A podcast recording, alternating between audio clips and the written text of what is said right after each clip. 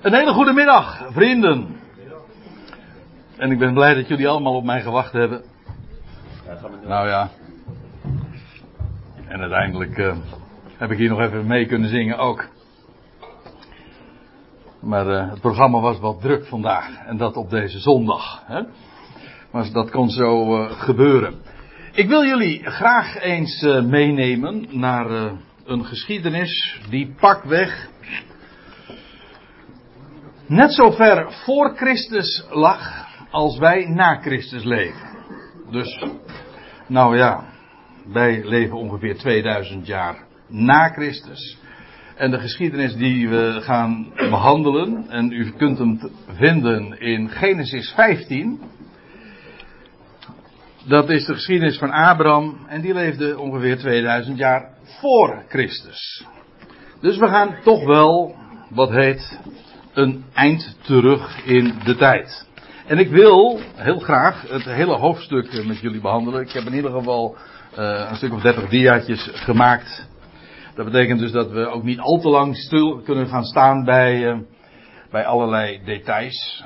We willen toch een wat overzicht krijgen. Tenminste, dat wil ik graag dan meegeven aan jullie. Over deze geschiedenis. In mijn Bijbel staat erboven belofte en teken. En ik heb het als, steek, als titel meegegeven Slapend Rijk. Nou, dat spreekt wel tot de verbeelding, nietwaar? Als dat toch eens kon zijn. En misschien denk je wel van nou, droom maar lekker verder. en dat is dan een aardige reactie natuurlijk. Maar toch is het een hele, ik mag wel zeggen, kenmerkende bijbelse waarheid dat God zo zijn rijkdom geeft, namelijk slapend. En ja, we hebben daar zo'n uitdrukking voor en vandaar ook dat ik deze titel meegaf. Maar laten we wel wezen, uh, er zijn nogal wat voorbeelden van. En ik denk bijvoorbeeld aan een woord in de psalmen. Dan staat er van, het is te vergeefs voor u dat je vroeg opstaat en brood der smarten eet. Hij geeft het immers zijn beminde in de slaap. En ik heb wel eens gehoord dat je ook zou kunnen vertalen, hij geeft zijn beminde de slaap. En dat vind ik ook wel een mooie, want het geeft namelijk ook aan dat hij rust geeft. En trouwens, dat vind ik ook grote rijkdom, als je dat hebt. En trouwens, uh, dan staat er ergens in de spreuken dat de zegen van de Heere rijk maakt. En dan wordt daar aan toegevoegd, zwoegen voegt daar niets aan toe. Als de Heer wil dat jij rijk wordt, dan word je steenrijk. En trouwens, uh, de figuur waar we het vandaag over hebben, Abraham, was zo iemand. En dat geldt trouwens ook voor zijn zoon Isaac. En dan lees je, hij werd steeds en steeds en steeds rijker. Ja, dat had God beloofd ook. Um, geestelijk is dat voor ons natuurlijk sowieso ook waar.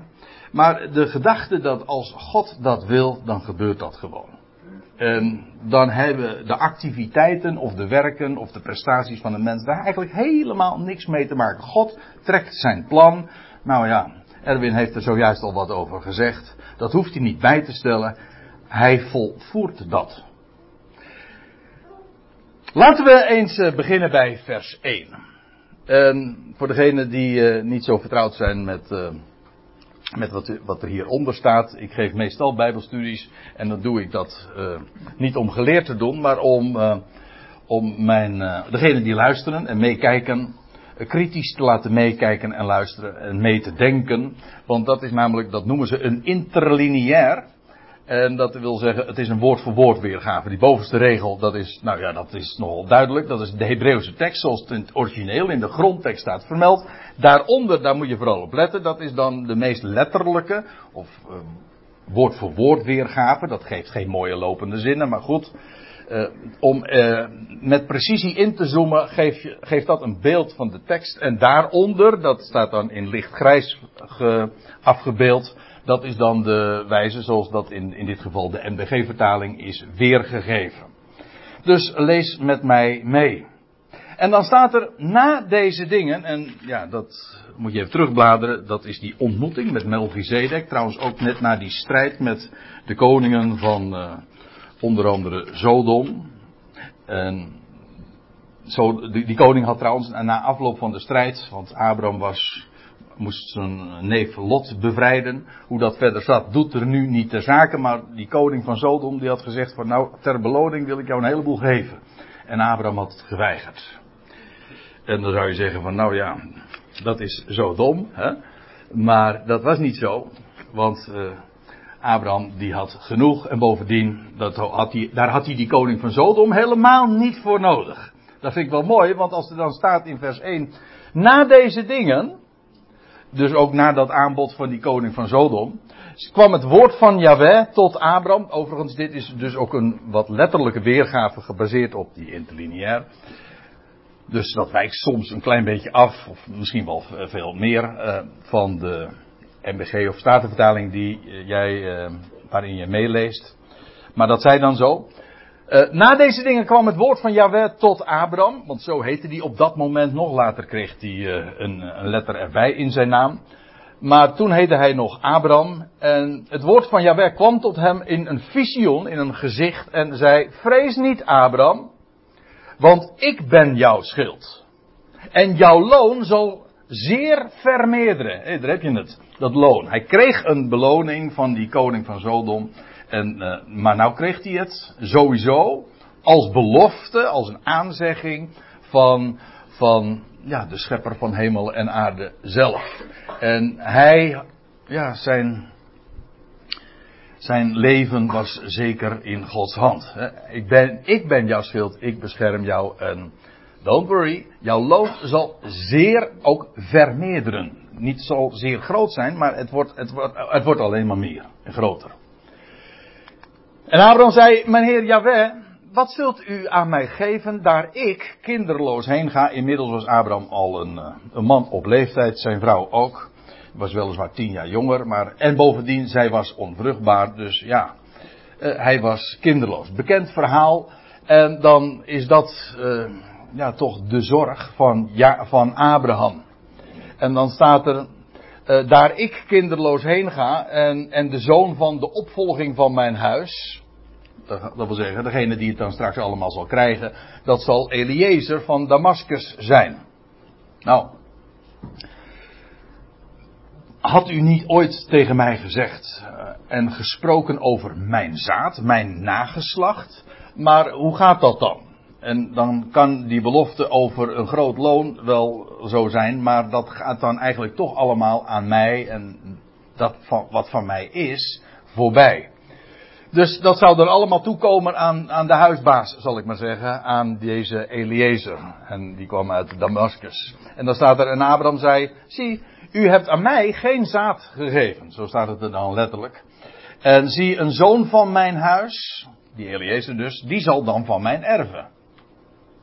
En dan krijgen we een heel uh, bekend woord. Genesis 15 wordt namelijk heel vaak in het Nieuwe Testament uh, geciteerd. Speelt een grote rol. En dat heeft allemaal te maken met deze geschiedenis. En zie het woord van Jahweh, die kwam tot hem, tot uh, Abraham dus. En zei, niet deze, dat wil zeggen niet deze Damaskener, deze Eliezer, die huisbaas van jou, zal van jou erven. Maar die uit jouw lijf voortkomt. Dat wil zeggen, een lijfelijke nakomeling, die zal de erfgenaam worden. Kijk, uh, voor ons is de, de spanning misschien wat uh, van het verhaal af, omdat wij inmiddels de afloop kennen. Dat is altijd een beetje tricky natuurlijk, als je ja, als je een verhaal zo tot je neemt en jij weet al hoe het afloopt. Uh, maar kijk, Abraham was inmiddels, ja ik weet niet precies, zal die een jaar of tachtig geweest zijn? Dat denk ik eerlijk gezegd. Uh, nu wordt hem dit zo aangezegd, heel uitdrukkelijk, nadat uh, Abraham misschien ook overwogen heeft, ja God heeft gezegd van, dat zal je allemaal erven, maar dat dan gaat dan zeker, dat God heeft dan kennelijk bedoeld iemand dat, die uit mijn huis voortkomt, of mijn huisbaas of zo. Maar daar zit toch wat frustratie en teleurstelling in. En dan neemt God hem, ja, die, die neemt hem terzijde en die zegt het nu ook heel expliciet tegen hem. Nee, niet deze zal voor jou erven, maar die uit jouw lijf voortkomt. Dus een lijfelijke nakomeling. Later kreeg, kreeg je toen nog het misverstand van dat hij dacht van nou ja, dan misschien wel uit mijn lijf, maar niet dat van mijn vrouw. En toen kwam Hagar in het spel, maar goed, daar hebben we het nu even niet over. Maar één die uit jouw lijf voortkomt, die erf van jou. En het deed hem uitgaan, hij met een hoofdletter God, die deed hem uitgaan, naar buiten dus.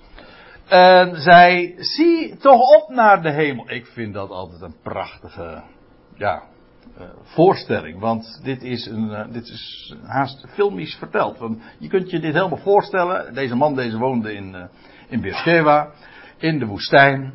En nou kijk dan eens een keer omhoog bij een, in de nachtelijke hemel. Dan zie je heel wat meer dan met al dat kunstlicht dat we hier in, in Nederland hebben. Dan zie je echt, ja, en een pikdonkere hemel, maar ook die overvloed van hemellichaam, van sterren. En dan staat er, zie toch op naar de hemel en tel de sterren, als je ze kunt tellen. Er is er één die ze wel kan tellen, want dat lees je ook in de psalmen. Er staat in, in bijna aan het einde van, het, uh, van de vijf boeken van de psalmen, 147 vers 4. Hij bepaalt het getal van de sterren. Dus hij kent dat ook. En sterker nog, hij heeft het zelfs bepaald. En hij roept ze ook alle bij naam. Ook die namen van sterren hebben trouwens ook nog een betekenis. Geldt trouwens ook voor constellaties en groepen van sterren, sterrenbeelden. Ze hebben allemaal een, geweldige betekenis uh, in de Bijbel. En ja, logisch, want hij zelf is de creator. En degene die hier aan het woord is, is degene die dat allemaal heeft voortgebracht. Maar nou vraagt hij aan dat mannetje Abraham, die God eerder had geroepen uit Ur. Uh, tel nou die sterren als je ze kunt tellen. En hij zei tot hem: Zo zal jouw zaad zijn, jouw nageslacht. Let op, hier wordt niets tegen Abraham gezegd of uh, van een voorwaarde, conditie. Er wordt niks aan Abraham ook gevraagd. Gewoon, hem wordt iets beloofd. Er wordt ook niet gezegd als jij belooft of, of iets met mitsen of maar. Totaal niet. Het is een volstrekt onvoorwaardelijke belofte. Hier hoort Abraham dus feitelijk, later lees je dat in de gelaten brief ook, dat dat zo wordt uitgelegd door Paulus. Eigenlijk hoort hij hier het evangelie. Want Abraham was, naar de mens gesproken, dat is ook bijbels taalgebruik, ja, hij was verstorven. Dat wil zeggen, hij was niet in staat om nieuw leven voort te brengen. En dat gold voor zijn vrouw Sarah ook. En, en het loutere feit dat hem deze belofte wordt gegeven, daarin ligt al in de kiem de boodschap waar heel de Bijbel over gaat, namelijk dat de dood wordt overwonnen. Er komt leven voort uit de dood.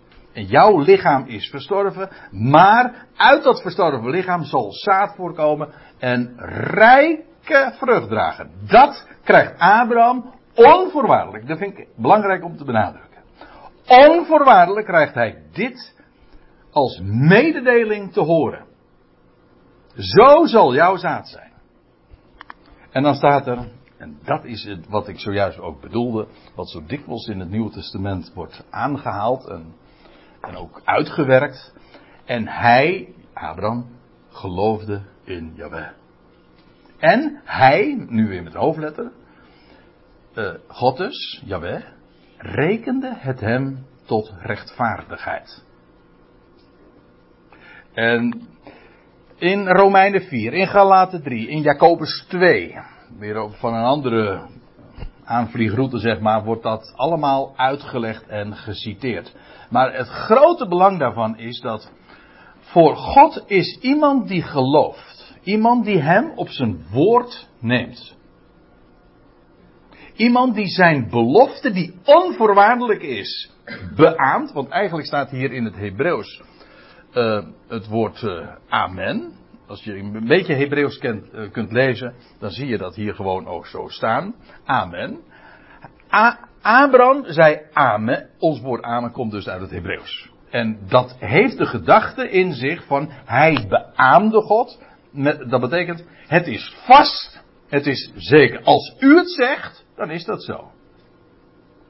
Ik bedoel, van Abraham werd niks gevraagd. Abraham kon het ook niet. Ja, eh, dan ben je aan, de, aan het plafond zeg maar van je kunnen. Je kunt niet verder. En daar, maar daar waar de mens niet verder kan, daar begint God. Ik vind dat een mooie uitdrukking om, om het zo te zeggen. Ons plafond, dat is Gods vloer. Waar wij eindigen, daar begint Hij. En dat is hier ook zo. Dit kon Abraham zelf niet doen, wordt ook niet van hem gevraagd. In feite ligt de, de verantwoordelijkheid en zelfs de verplichting tot de vervulling helemaal bij God. Dat is, dat is het idee en de hele basisgedachte van de belofte. Belofte maakt schuld. Als God dat zegt, dan is het aan hem om dat ook te vervullen. Nou, dit wordt tegen Abraham gezegd. Dit wordt hem aangezegd. Dit wordt hem beloofd. Zo zal je nageslacht zijn. En Abraham beaamde God. En dat maakte Abraham tot een rechtvaardige. Wat betekent dat iemand rechtvaardig is? Hoe rekent God? Nou, heel simpel. Je bent een rechtvaardige, een, op zijn Hebreeuws gezegd, een tzaddik. Als je amen zegt op zijn belofte. Dat is het. Ik kan het niet. Maar als u het zegt, dan gebeurt het. En dan ligt ook de realisatie helemaal voor uw rekening. Maar ik geloof dat u bij machten bent om dat te doen. En iemand die tot die erkenning is gekomen, is een rechtvaardige. Voor God. Zo rekent God tot rechtvaardigheid. maar we gaan verder. In vers 7. En hij, God, zei tot hem: Ik ben Yahweh die jou deed uitgaan uit. Oeps. Ik moet wel een beetje de tijd in de gaten houden natuurlijk. Je, je, komt, je komt al laat. nou ja. Um, ik lees even verder. Hij deed, uh, en hij zei tot hem, uh, ik ben Yahweh die jou deed uitgaan uit Ur der Galdeeën. En wanneer dat precies geweest is, een jaar of tien eerder. Ik kom daar straks trouwens nog wel eventjes op terug. In verband met de tijdrekening. Maar er staat er, ik ben Yahweh die jou deed uitgaan uit Ur der Galdeeën. Om aan jou dit land, waar jij nu op staat, uh, tot erfelijke bezitting te geven. Dit krijg jij en dit krijgt jouw zaad, jouw nageslacht. En hij, Abraham, zei: Mijn heer Jaweh, waaraan zal ik weten dat ik het erfelijk zal bezitten? Kijk, Abraham betwijfelde niet dat iets ging gebeuren, want dat we lazen zojuist in de voorgaande versen. Hij geloofde God. God had een beloof, maar nu vraagt hij eigenlijk een teken. Uh, ja, het klinkt misschien wat uh, vreemd als ik het zo zeg, maar de bonnetjes erbij. Hè? Mag ik er een bonnetje bij? Hè? Een teken uh, zoals je dat ook leest van, uh, ja, hoe vaak vind je dat niet? Van Gideon staat me bij. Die vroeg zelfs een tweede teken nog weer. Afijn. waaraan zal ik dat weten dat ik het erfelijk zal bezitten? Een, hij vraagt dus een bevestiging, een teken.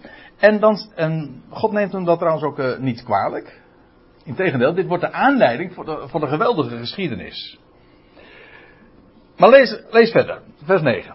En hij, God, zei tot hem: Neem voor mij een driejarige vaars. Een jonge koe is dat. Niet een vaars, hè? Nee, een vaars met een R erbij. Een driejarige geit en een driejarige ram. Later werden dit trouwens ook, zo was dat in het oude verbond geregeld met, eh, dat God sloot met Israël, waren dit ook de offerdieren bij uitstek. Een rund, een geit, een ram, nou ja, en in dit geval ook een, um, van een schaap, ja, een mannetje schaap dus. Uh, maar iedere keer wordt daar zo benadrukt, het moest driejarig zijn. Drie maal drie. Hè? Dat is eigenlijk uh, wat er staat. Maar ik weet niet wat u uh, of jij weet van Bijbelse symboliek, maar het getal drie markeert in de Bijbel altijd het getal voor nieuw leven, voor opstanding, de eerste dag, dat begint al meteen in Genesis 1. De eerste dag dat er nieuw leven verschijnt, dat is op, ja, de derde dag. En dat is de belangrijke, uh, het, het, belangrijke getal, het getal 3 markeert dat ook. En trouwens, die derde dag in Genesis 1, dat was ook de dag dat uh, het land uit de wateren, uit de doodswateren tevoorschijn kwam. Is trouwens ook een, feitelijk een beeld van opstanding. Dat wil zeggen, uit de wateren komt land tevoorschijn. Uit de doodswateren verschijnt land. En op dat land kwam vervolgens diezelfde dag ook leven uh, voort. Dus dat. Uh, dus dat getal 3 heeft alles te maken met, uh, ja, met nieuw leven, met zaad, met vrucht uit de dood. En als dat drie keer gezegd wordt, ja, 3 maal 3 is 9 zingen we dan. Uh, nou ja, in zo'n schooltje als dit zal dat heel vaak gezongen worden, stel ik me zo voor. In ieder geval, we weten het. En er staat trouwens nog iets bij, want daar bleef het niet bij. En, en een tortelduif staat er dan. En een kuikentje. Uh, een jonge duif staat er dan in de MBG-vertaling. Nou ja, en dat is dus een kuikentje. Dat maakt het totaal dus, hoeveel uh, offerdieren waren hier? Een totaal van vijf dieren. En ik heb daar uh, meteen een Hebreeuwse letter bij vermeld. Dit is, de, het is een leuk, uh, leuk verhaal eigenlijk, ook, ook om het in het Nederlands te vertellen. Want uh, dit is de vijfde letter in het Hebreeuwse alfabet. En dat is de He.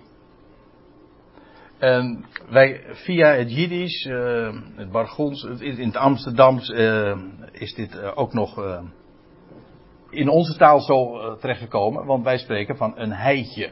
Maar een heitje komt dus eigenlijk uit het Hebreeuws van de letter he. Een heitje, dat waren, dat was een kwartje, vijf stuivers. Dus vijf maal vijf. Zoals trouwens, je hebt ook de tiende letter, dat is de jud. En de honderd, nee het getal honderd, dat is dan mea en dat is meijer.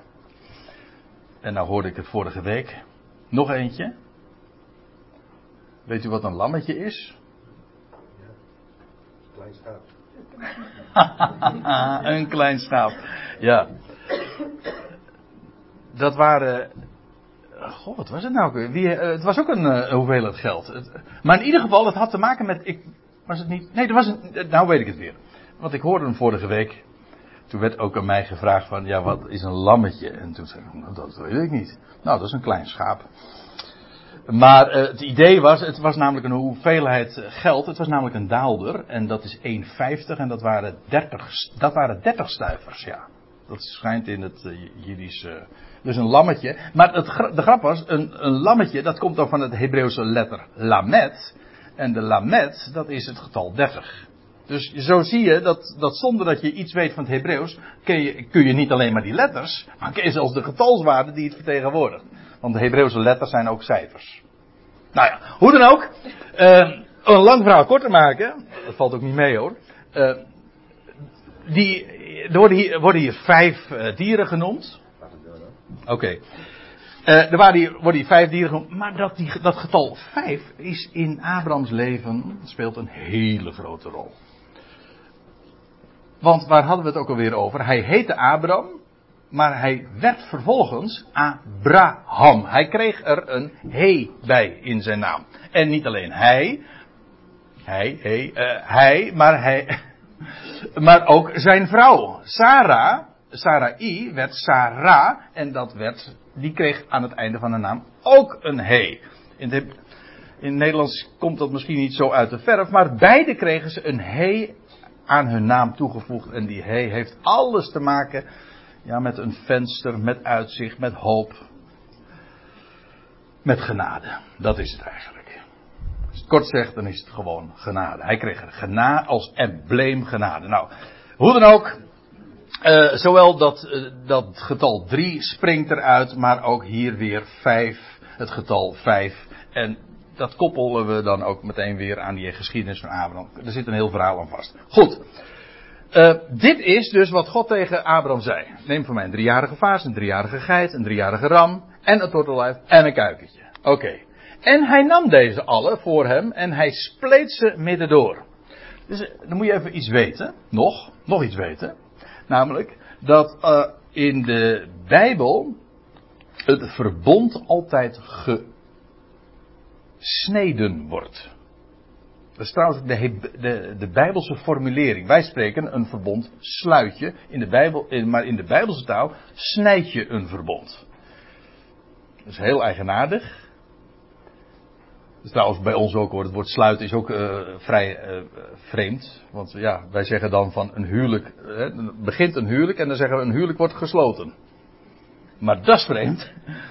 Want dan wordt het eigenlijk geopend.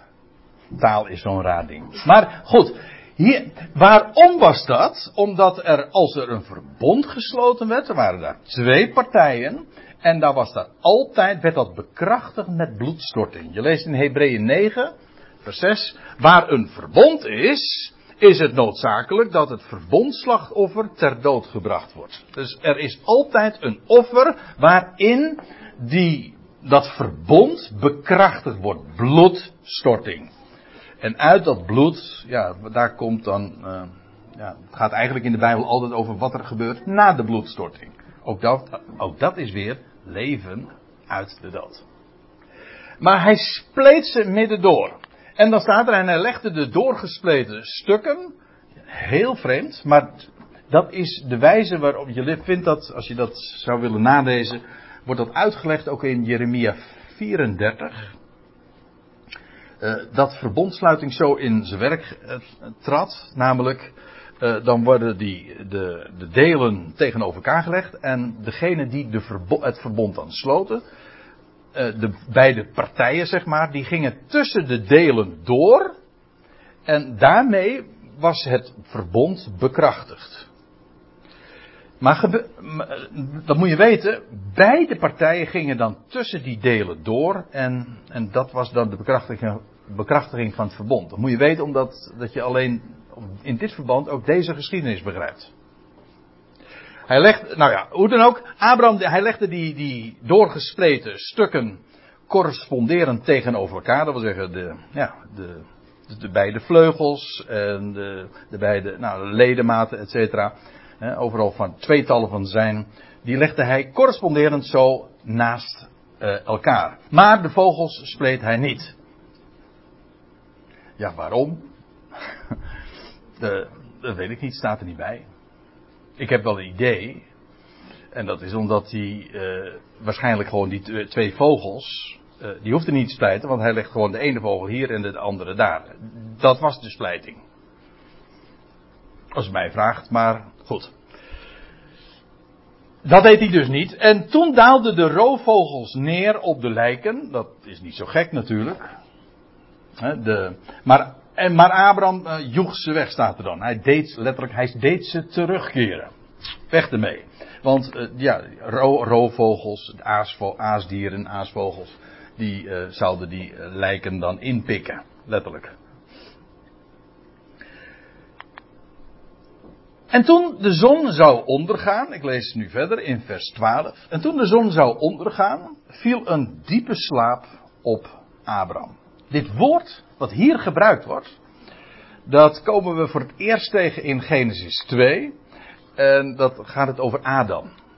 Die ook, en, en het is eigenlijk een woord dat zoiets betekent als narcose. Verdoving, daar hoort een R'tje tussen. Ik was een beetje verdoofd kennelijk. Uh, maar uh, hij was verdoofd, dat wil zeggen, hij was ja, een diepe slaap. hey.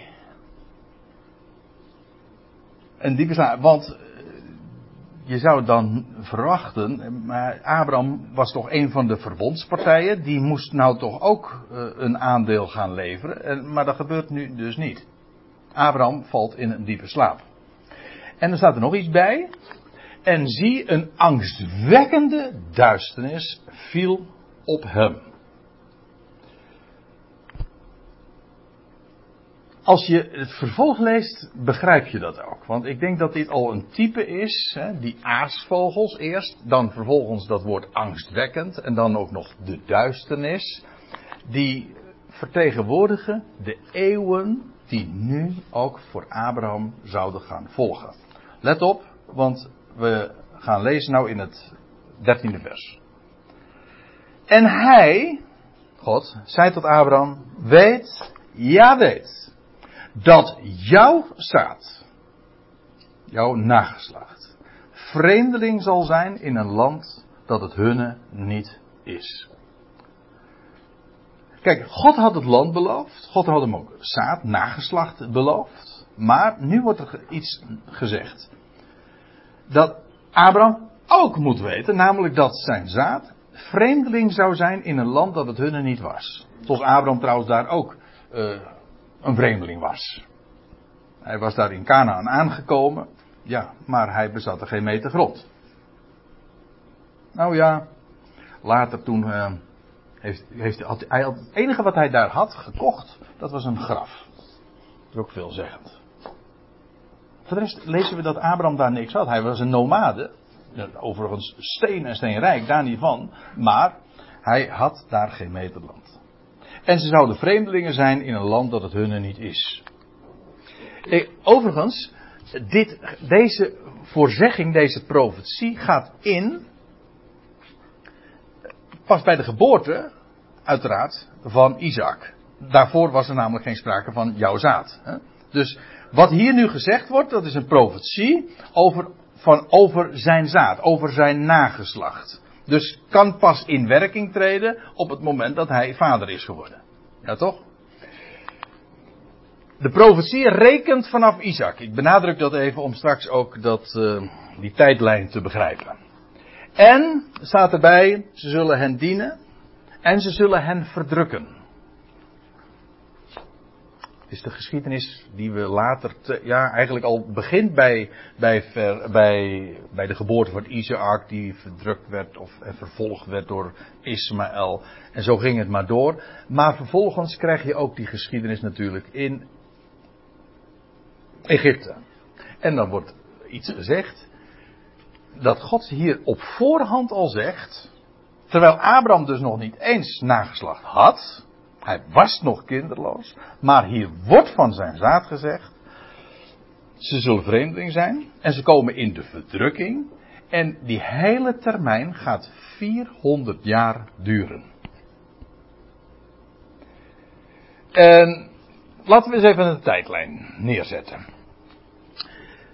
Abraham, uh, die is geboren, dat lijkt mij nogal logisch. Als je vanaf daar gaat rekenen, dan kom je bij de geboorte van Isaac. Hoe oud was Abraham toen? Toen was hij, zo weten we, 100. Hij was 100 jaar oud, staat er vermeld. En zijn vrouw 90, dus die was 10 jaar jonger. Nou, vanaf de geboorte van Isaac gaan we 400 jaar verder rekenen. 400 jaar vreemdelingschap. En dan eindigt dat, die periode, met de Exodus, de uittocht uit Egypte. Dan zou dit alles uh, ten einde zijn. En deze periode wordt nog eens vermeld in de Bijbel. Dat is heel belangrijk om te, te weten. Uh, je wordt, hoewel je ook nog een ander getal tegenkomt, en dat is 430 jaar, maar dat is de periode van de belofte. Kijk, God is een God waar je op kunt rekenen. Ik bedoel dat letterlijk. Als God iets zegt, God voorspelt niet, voorzegt. Hij zegt, zo zal het gaan. Jij zal vader worden. Dat is naar de mens gesproken volstrekt belachelijk. Maar graag gebeuren. Don't worry, dat doe ik. En bovendien, dan ga ik je ook nog eens even vertellen wat er allemaal gaat gebeuren. Abraham wist dus, hier wordt gezegd wat er de komende honderden jaren zou gebeuren. Met zijn nageslacht. Ze zouden vreemdeling zijn, ze zouden het land uh, niet bezitten. En de termijn wordt ook al vastgesteld. En ik zal u vertellen dat dat zelfs met precisie is. En eer, dat was de periode dus. Dit is de periode vanaf de geboorte tot aan de Exodus. Dat is 400 jaar. Er wordt ook een andere periode gerekend. Namelijk dat is 430 jaar. Maar dat is de periode van de belofte. Want voordat Abraham uh, vader werd. Dus voor de geboorte van Isaac 30 jaar daarvoor was Abraham geroepen in Ur der Galdeeën en God had hem daaruit geroepen en had toen zijn belofte gegeven. Dat was 30 jaar eerder.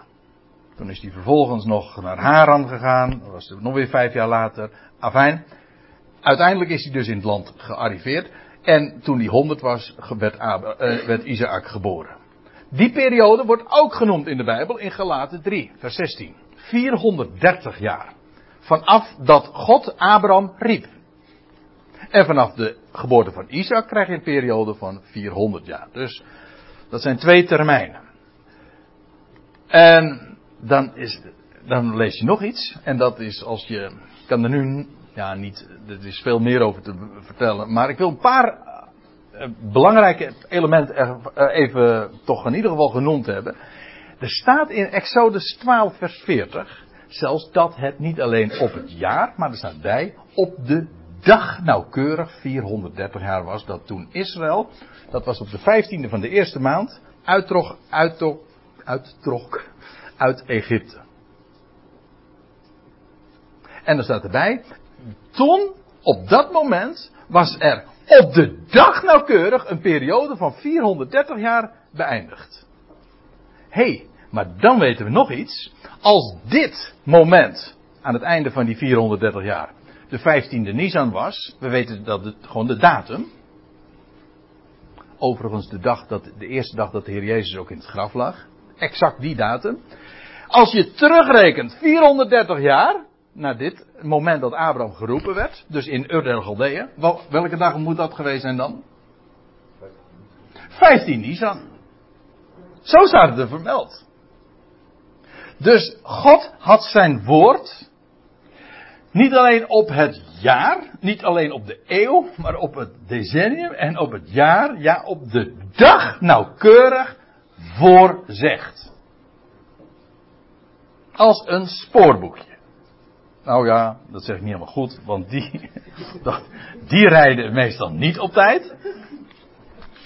Maar u begrijpt wat ik bedoel. Het wordt altijd in ieder geval op de, op de minuut nauwkeurig wordt dat dan aangegeven. Waar staat dat zo'n 15 Nisan Nou, het was de dag dat ze uittrokken uit Egypte. En de dag daarvoor hebben ze het paascha gevierd. En dat is de 14e Nisan. En dan moest het lam geslacht worden. En de dag erop eh, zijn ze uitgetrokken uit Egypte. En de dag van het paascha. Dat is de dag ook geweest dat de Heer Jezus stierf op Golgotha. Ja, verzin het maar. Hè? Dit is zo, zo'n geweldig bewijs van goddelijk design van de, ja, die hele, wat wij een Bijbel noemen, dat is gewoon een bibliotheek. En dat is gewoon een hele verzameling boeken. En al die boeken die, als een puzzelstukjes vallen ze zo in elkaar. Alleen dat bewijst die eenheid, al die, dat ene panorama, die, hoe de schrift, de ene schrift de andere schrift uitlegt, dat bewijst de goddelijke oorsprong van die bibliotheek. Dus ja, als je daar als je de schrift met schrift gaat vergelijken, dan bewijst de Bijbel zichzelf. Dat vind ik uh, een geweldige gedachte. En daar word je altijd weer zo heerlijk in bevestigd. God maakt zijn woord waar. En het is maar niet zomaar een, een leuk verhaal of een aardige uh, aanbeveling of een ethisch of moreel appel van wat wij moeten doen. Dat, zo wordt het altijd wel verkocht, dikwijls. Ja, verkocht met recht. Hè, want je moet er altijd wat voor doen en neertellen. Maar dat, de Bijbel is gewoon een mededeling. God zegt, dit ben ik en dit ga ik doen. En of je het nou gelooft of niet, maar dit ga ik doen. En Abraham geloofde God. Dat is heel, dat is heel verstandig om te doen. Want als God het zegt, nou reken maar dat hij het dan ook gaat vervullen. Dat doet hij ook. Op voorhand. Ja, en dan die, die precisie, die exactheid, die nauwkeurigheid die, daar, die God daarin ook ja, demonstreert. Geweldig.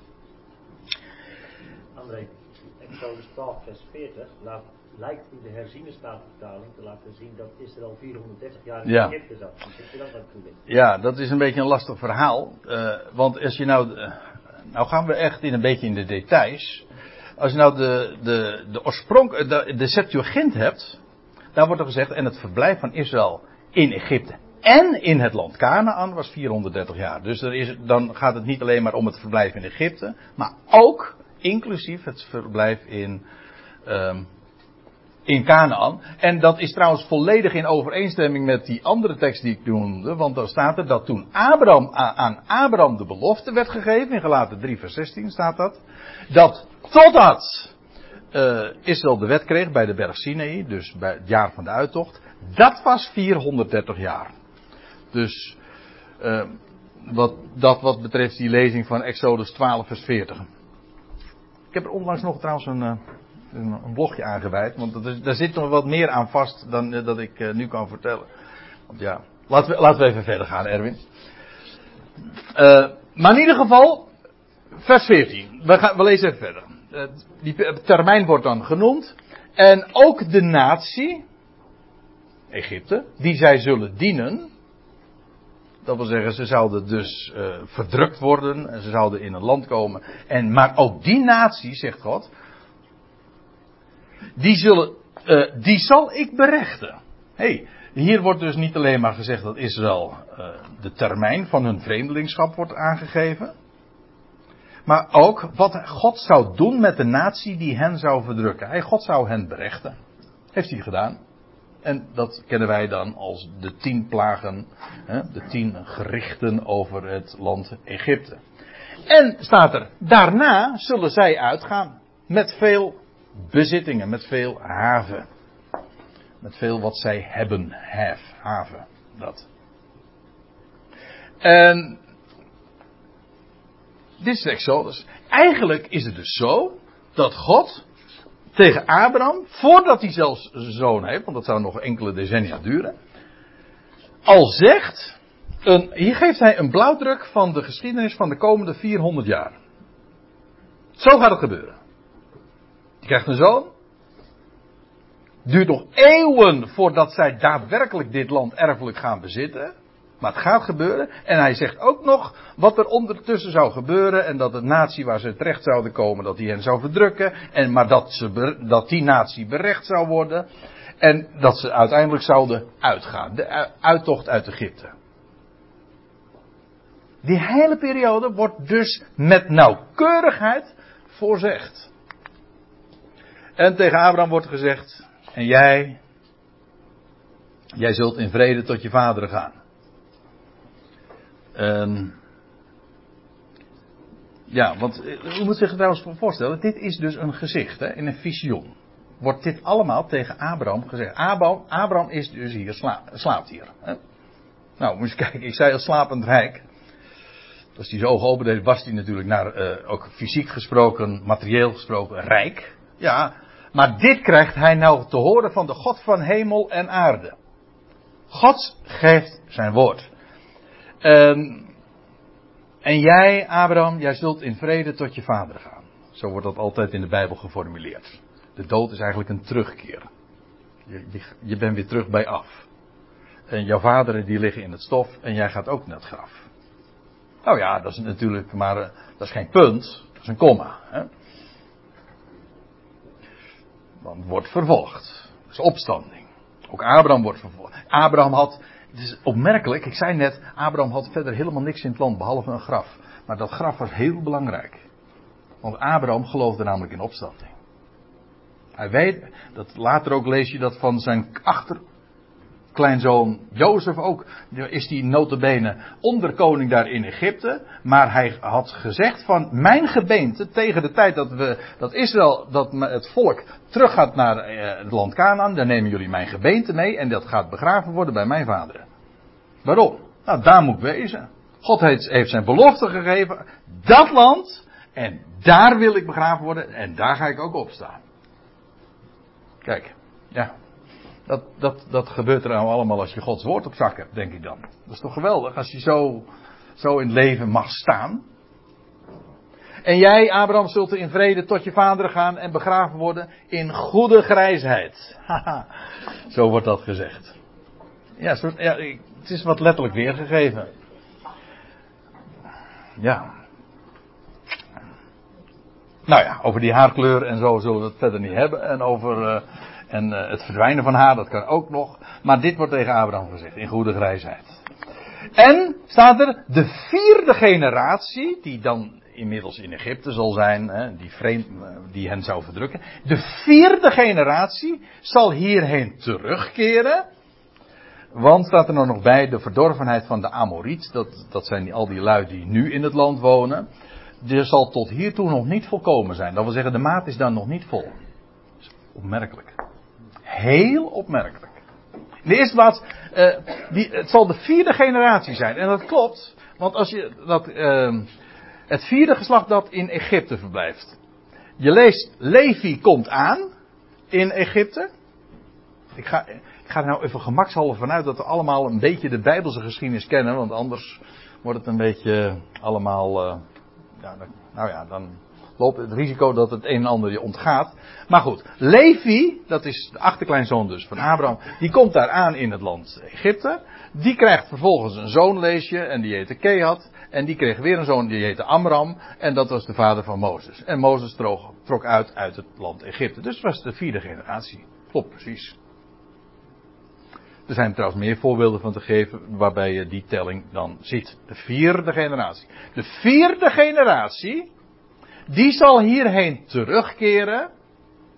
Uh, en het motief waarom dat zo is, waarom dan pas, wel staat er, omdat de verdorvenheid van de Amoriet tot dan toe nog niet volkomen zal zijn. Dat wil zeggen, de, in de MBG-vertaling staat ook, de, de, de, eerder is de maat van de ongerechtigheid niet vol. God is langzaam tot toren, tot toornen, ja. En in zijn oordeel. Hij is traag. Hij wacht daarmee. Dat doet hij ook niet graag. En als hij doet, dan, als hij, dan doet hij het ook snel trouwens. Gods oordelen duren altijd relatief kort.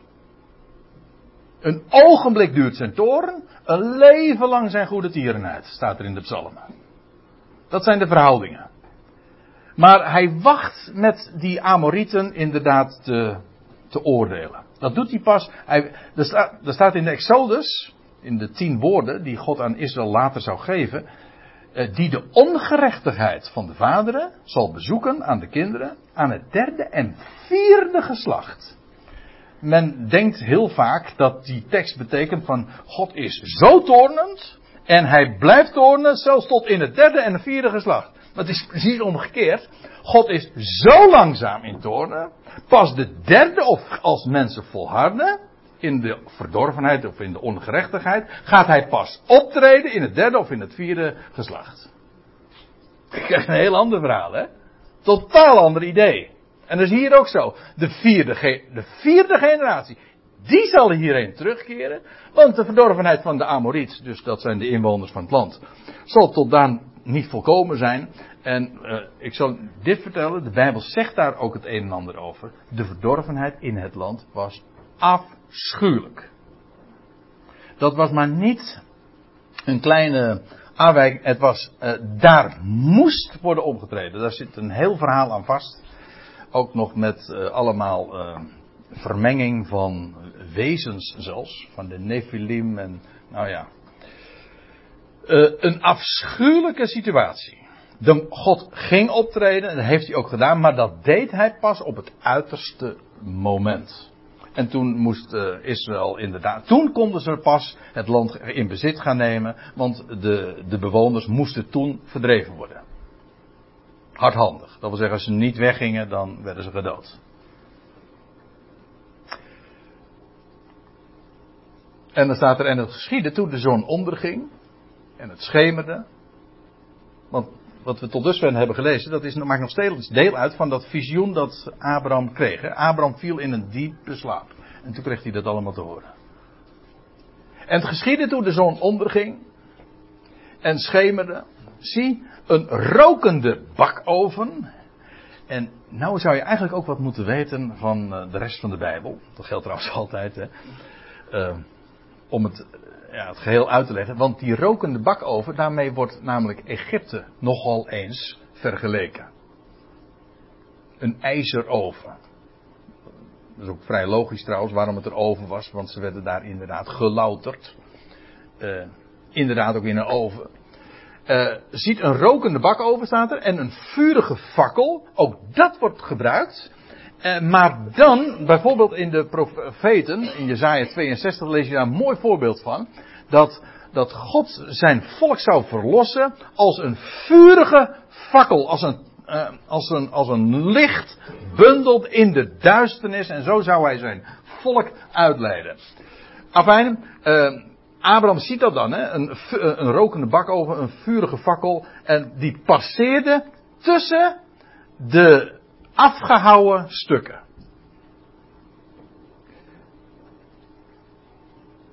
Dat wil zeggen, dat had Abraham toch gedaan. Daar hadden we het eerder over, over die, die, die offerdieren, die vijf offerdieren. En, die, en nu tussen die delen is het God zelf, die in deze emblemen van een rokende bak over een vurige fakkel, die passeerde tussen deze afgehouden stukken. Dat wil zeggen, de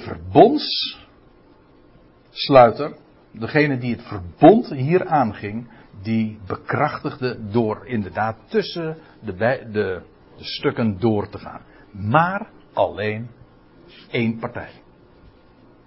Normaal is het zo dat beide partijen dat doen. In dit geval lees je alleen van God die tussen de, die stukken doorging. Ik kan het nu, uh, dat voert te ver om dat uit te leggen. Ik heb al even verwezen zojuist naar, naar Jeremia 34. Maar daar wordt inderdaad beschreven dat beide partijen dat zouden doen. Beide verbondspartners. Maar in dit geval, God belooft. Het is een eenzijdig verbond. Gratis meer, hè? En een beetje gratis, hè? Dat bestaat niet. Dat is goedkoop. Een beetje gratis is goedkoop, maar dat is niet gratis. In die dag, ik lees verder, vers 18. In die dag sneed Yahweh een verbond ik zei al, een verbond wordt gesneden. Zo staat het hier ook. En we weten nu ook waarom dat zo genoemd wordt. Hij sneed een verbond met Abraham en hij zei: Jouw zaad geef ik dit land. Ik heb je ook verteld inmiddels het traject en hoe en het tijdspad wat ik daarin ga volgen. Je weet het, je bent op de hoogte, je Abraham. Zo zal het gaan. Maar jouw zaad geef ik dit land. En nou staat er nog iets bij, moest je opletten. Vanaf de rivier van Egypte, dat is de Nijl, tot aan de grote rivier, de rivier de Uivraat. Machtig mensen. Dat wordt het land van Israël. Weet je, dat, dat is trouwens, kijk het maar na. Dus nooit vervuld in de Bijbelse geschiedenis. Deze belofte staat dus nog steeds. Sommigen zeggen van nee, dat, eh, God heeft het ooit gezegd, maar dat is. Uh, nou ja, uh, welke route men dan ook kiest om dat weg te redeneren, maar dat is natuurlijk. Ja, ik gebruik dat woord nu even. Dat is God zo mogelijk. Want als God iets zegt, dan doet hij dat. En u zegt God zo mogelijk, ja dat kan. Want één ding kan God niet, en dat is liegen. Het is onmogelijk dat God liegen zou. Als God zegt, dit land van de Nijl tot aan de Uifraat, dat wordt het bezit van jouw zaad, van jouw nageslacht Abraham, dan gebeurt dat. En als dat in het verleden nog nooit gebeurd is, nou dan komt dat alsnog. God heeft de tijd. Niet alleen 400 jaar, maar zelfs 4000 jaar. Wat dacht je daarvan? En dit wordt aangekondigd. Er, zijn, er, is, trouwens wel een tijd geweest in de dagen van Salomo dat het er heel, heel erg op leek hoor. Deze, met deze afmetingen. Dat was ook een wereldrijk. De zoon van David was dat, weet u wel. Nee, als ik het zo zeg, dan denk ik meteen van, hé, hey, dan weet je ook meteen wanneer de echte, definitieve vervulling komt. Namelijk als de zoon van David komt. Jouw zaad geef ik dit land vanaf de rivier van Egypte tot aan de grote rivier, de rivier de Uivraat. Dat is dit, dat is dit stuk dus. Hier heb je de Uivraat lopen, hier loopt de, de, de Nijl. Nou, dit gebied wordt dus Israël. Nou ja, je leest dan in Jezaja ook zelfs dat er een grote, dat er een, een, een, grote weg zal zijn, een heerbaan van noorden naar het zuiden. En en dan wordt er gezegd zelfs dat Egypte, eh, dan Syrië en Egypte en Israël. En de, het land hier, dit stuk, zal zelfs het derde zijn op de aarde. In het, in het Messiaanse Rijk dat straks gaat komen. Ik, ik durf zelfs te zeggen binnenkort gaat aanbreken. Want de termijn is nu eenmaal vervuld bijna. Ja, sommige mensen zeggen je mag niet rekenen met de Bijbel. Maar dan moet je maar eens aan Abraham navragen. Die. Nou ja. Maar in ieder geval, die God vervult zijn belofte. En dan krijg je dus dit land en Syrië en, en, en, en dat stuk van Egypte. Dat zal zelfs nog prominenter zijn dan dit gedeelte. Zo wordt dat in Jezaja zelfs geprofiteerd. Het gaat me nu even om, dit wordt het land. En weet u wat ik nou ook zo mooi vind? Dan kunnen al die partijen van die Arabieren en daar in het Midden-Oosten onderhandelen en, en strijden wat ze willen. Trouwens, Israël ook. Dat is geen kwestie van dat Israël zijn best gaat doen met, met de defensie op te krikken. En door gelden vanuit Amerika te verzamelen. Of door, weet je wat, uh, door irrigatietechnieken enzovoort. Uh, zo dit hele gebied zo zich eigen te maken. Het is geen mensenwerk. God geeft dat gewoon. Trouwens, het is ook geen irrigatiewerken. God is gewoon regen van de hemel. Waardoor die dit hele land trouwens ook nog eens een keer bloeiend gaat maken. De hele woestijn hier, het is eigenlijk één grote woestijn, gaat straks bloeiend worden. Het is nu bloedend, maar straks wordt het bloeiend. En dat geeft hij. En dan staat er, en de Keniet, en de Kenesiet, en de Katmoniet, en de Hetiet, en de Pereziet, en de Reviet, en de Amoriet, en de Canaaniet, en de Gergaziet, en de Jebusiet. Nou, alsjeblieft, al die gasten die daar woonden, tien naties worden hier genoemd, tien volkeren. Dat is trouwens ook wel opmerkelijk. Als je het profetisch bekijkt. Maar goed. In ieder geval, eh, die moeten allemaal het veld ruimen, of in ieder geval worden onderhorig. Jouw zaad zal dit land krijgen. En Abraham, dat beloof ik je, en ik geef het jou. Nou, dat is nou de God waarmee wij van doen hebben. En ik moet u zeggen, dit is dan een geschiedenis, 4000 jaar geleden heeft dit plaatsgevonden. Maar ik vind het geweldig. Dat we zo'n God hebben, zo'n woord, zo accuraat, zo betrouwbaar, zo solide. Zullen we daarbij laten?